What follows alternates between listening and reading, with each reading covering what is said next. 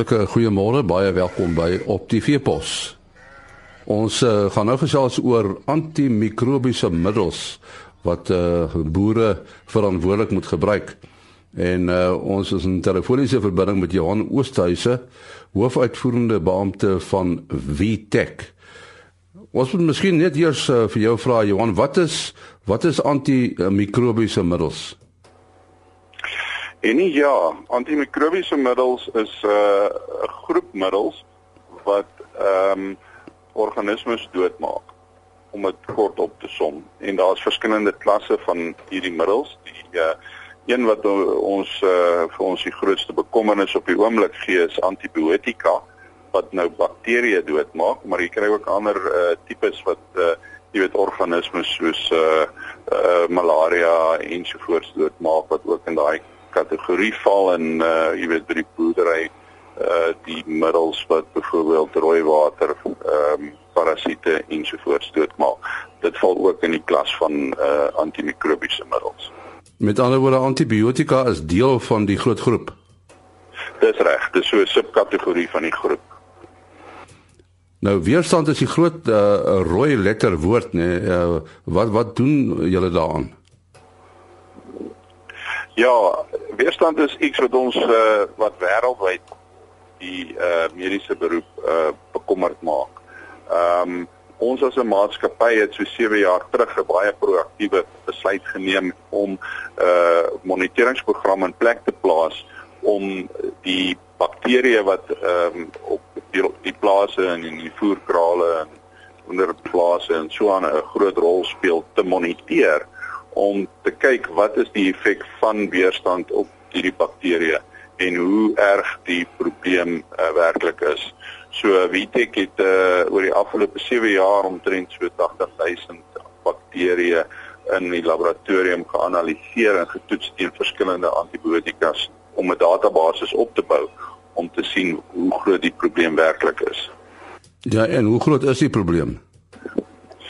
En nie, ja, dit is nogal 'n uh, iets om uh, oor bekommerd te wees. Ehm um, daar is van die antibiotikas wat uh, histories baie gebruik is oor die afgelope 30 jaar en ehm um, die bakterieë het inderdaad uh, weerstand daarop opgebou. Ehm um, gelukkig vir ons in die dieregesondheidsbedryf sit ons nie met heeltemal met die krisis wat die ons mediese kollegas meer sit in die hospitale waar hulle met uh, superbugs sit wat ehm um, weerstand teen basies al die moontlike antibiotikas opgebou het. Daai probleem manifesteer daarom nog nie in die dieregesondheidsbedryf nie. En uh kom ons praat nou maar oor die dieregesondheidsbedryf. Uh gebruik boere uh hierdie hierdie middels verantwoordelik, hierdie antimikrobiese middels.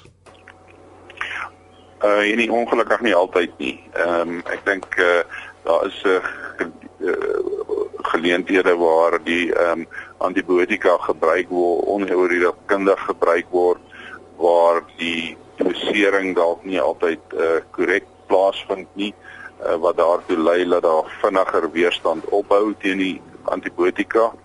Ehm um, en waar die antibiotika dalk uh, vir die verkeerde doel aangewend word. Ehm um, so daar is ehm um, is maar 'n opvoedingsproses wat 'n mens ehm um, ons ons moet doen.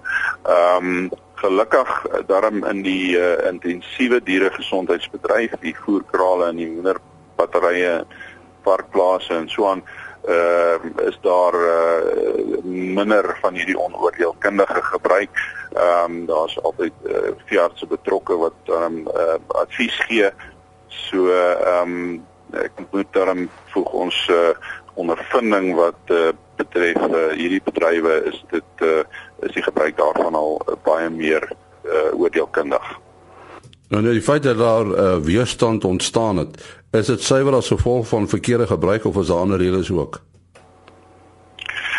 Ehm um, dit is maar oor die algemeen as gevolg van uh, verkeerde gebruik. Ehm um, mense moet tog ook besef as jy antibiotika gebruik, gaan daar weerstand ontwikkel. So 'n mens moet hom nie te veel gebruik nie. Ehm um, en jy moet maar seker maak dat die dosis wat jy gebruik is is is korrek. Ehm um, so die weerstand wat opgebou het ehm um, is eerstens as gevolg van die feit dat uh jy weet die die produk gebruik word. Ehm um, die tweede probleem waarmee ons sit is daar's nie werklik nuwe antibiotikas wat die afgelope 30 jaar op die mark gekom het. Ehm um, maatskappye het uh, minder en minder begin uh, navorsing doen op uh, antibiotikas en meer en meer navorsing begin doen op middels soos cholesterolmiddels en ander uh medisyne en um, ons het nou 'n uh, um, situasie bereik waar in 30 jaar daar nie 'n nuwe antibiotika op die mark gekom het nie. So dit lyk dit asof die mark dikteer waar in die ontwikkeling plaasvind. Uh inderdaad ja en ons moet ook besef jy weet die ontwikkeling van 'n nuwe medisyne is astronomies duur. Uh jy praat van oor 'n biljoen US dollars om een nuwe molekuule op die mark te bring. So ehm um, dis die iets wat uh, is 'n maatskappy in Suid-Afrika byvoorbeeld sommer sal uh uh kan behartig nie. Dis maar uh, internasionale multinasjonale maatskappye wat dit uh wat dit daardie navorsing doen. Nou wat moet gedoen word om uh om hierdie ouens nou weer aan te spoor om navorsing te doen om nuwe antibiotiese middels te ontwikkel. Ja, dis reg wat jy gesê het, die mark dikteer en ehm um, uh, om daai tipe investering te doen, moet hulle weer kan sien dat daar 'n uh jy weet uh, return on investment gaan wees. So die ehm um, wat duidelik gebeur is baie van hierdie antimikrobiese navorsing middels se navorsing word meer deur uh, filantrope soos die Bill Gates organisasie ensovoorts befonds en baie van die navorsing vind eintlik by uh, universiteite en akademiese instansies plaas uh, waar die farmaseutiese maatskappye baie keer meer fokus op die op ander middels. Hierdie opname wat julle gedoen het, is dit 'n 'n 'n projek wat uh, voortgaan of uh, was dit 'n eenmalige uh, ding wat julle gedoen het? Nee, dit is iets wat ons definitief mee gaan voortgaan en ons hoop dat ehm um, jy weet die regering en uh, departement van landbou ook gaan betrokke raak stadium. Ek dink dit is essensieel dat ons daai tipe data opbou en uh weet presies wat die ehm um, situasie wat betref weerstand uh is in die land. Ehm um, ons doen dit as 'n deel van 'n diens aan ons uh, kliënte ehm um, sodat hulle presies weet wat die situasie is op hulle plase en in hulle boerdery praktyke. Ehm um, en dit plaas ons dan in 'n posisie wanneer daar 'n siekte toestand uitbreek om te weet wat is die korrekte antibiotika om te gebruik. Tesame daarmee is dit ook belangrik om seker te maak indien hierdie antibiotika gebruik word dat ehm um, dit tyds uh, onttrek word en dat jy nie 'n uh, situasie ontstaan waar daar van die antibiotika daar nog in die vleis of die melk of die eiers is wanneer die produk by die verbruiker uitkom nie. Ehm um, en ons het ook 'n uh, BTEC het ook 'n moniteringsprogram wat ons seker maak dat dit plaasvind en dat die produk wat op die einde van die dag op die supermark rak eindig veilig is en nie enige van hierdie antibiotikas uh, bevat nie. Indien jy klein hoeveelhede antibiotika in die uh, vleis en het wat die verbruiker gebruik, is daar weer eens die risiko dat dit op sigself uh weerstand in in uh, uh by hulle kan uh, opbakker. Ehm um, alhoewel die insident van die oordrag van uh weerstand tussen diere en mens op hierdie stadium is baie laag is en eintlik nie 'n groot risiko is nie. Ja, is die impak al wat klimaatsverandering het op die voorkoms van hierdie moeilike siektes? dit speel 'n baie groot rol. Ehm um, ons is nou net deur 'n ehm 'n warmerige winter. Ehm um, en uh, dit uh, het daartoe gelei dat die uh die diere gesondheid uh eintlik redelik goed was deur die winter. Uh as 'n mens kyk na die nasionale uh kleinveebedryf en so voort. Ehm um, maar daar is dan ook jou uh, situasie dat koue help om sekere siekte toestande weer te onderdruk. Ehm um, jou jou uh siektes wat deur bosluise en hierdie tipes de uh, parasiete oorgedra word, uh, sal dalk nou weer uh, in die somermaande 'n uh, meer ernstige probleem wees. Uh julle maatskappy uh ontwikkel julle middels of toets julle middels?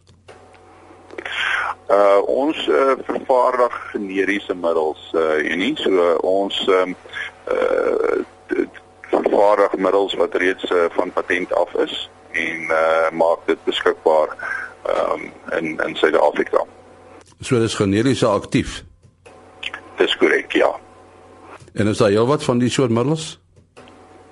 Daar is ehm um, noodwendig is uh, sodra 'n middel uit sy patent uitgaan uh, en 'n uh, generiese maatskappy soos ons raak betrokke dan raak die uh, koste ook aansienlik goedkoper.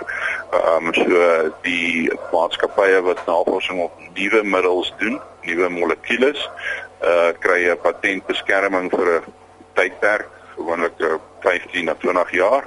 En in daai tydperk moet hulle hulle investering wat hulle maak om die middels te ontwikkel weer uh verhaal voordat uh, die patent verval en dan uh, generiese maatskappye toegelaat word om die produk uh, te vervaardig. Ja, daar hier so 'n vals persepsie by mense dat 'n uh, generiese produk uh, is nie so goed soos 'n produk wat nog onder patent staan nie. Dis natuurlik onwaar. In die meeste gevalle is dit nie die, uh, die geval nie. Ehm um, noodwendig is daar 'n uh, sekere kwaliteitsbeheer wat 'n mens moet verseker uh, wanneer die produk gemaak word. Ehm um, maar die bedryf het sodanig ontwikkel dat ehm um, in die meeste gevalle die generiese produk uh, net so goed is soos die oorspronklike. So die groot voordeel is eintlik dat uh, dat middels goedkoper uh, beskikbaar gestel kan word. Ja, dit is uh, dit is korrek. Dis die groot voordeel van uh, generiese uh, middels. Nou ons sê baie dankie aan Johan Oosthuizen, hy is hoofuitvoerende beampte van Vitech. Ja, tot môreoggend om kwart voor 5. Mooi loop. Ooh.